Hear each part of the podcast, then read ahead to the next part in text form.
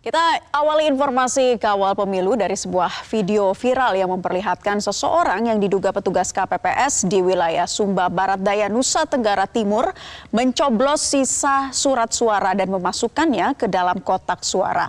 Bawaslu NTT membenarkan kejadian di video tersebut dan telah memeriksa para petugas KPPS yang berbuat curang. Video dugaan kecurangan pemilu berupa mencoblos surat suara sisa ini beredar luas di media sosial.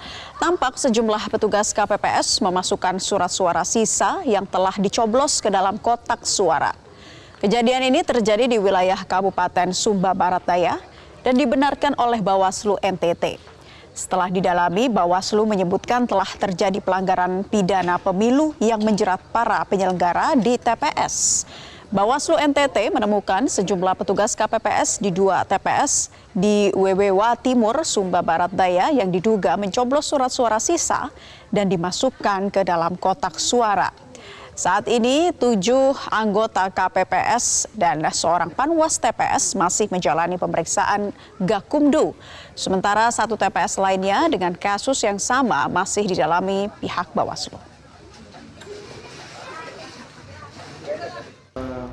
Tujuh orang KPPS dengan satu orang PTPS. Delapan orang.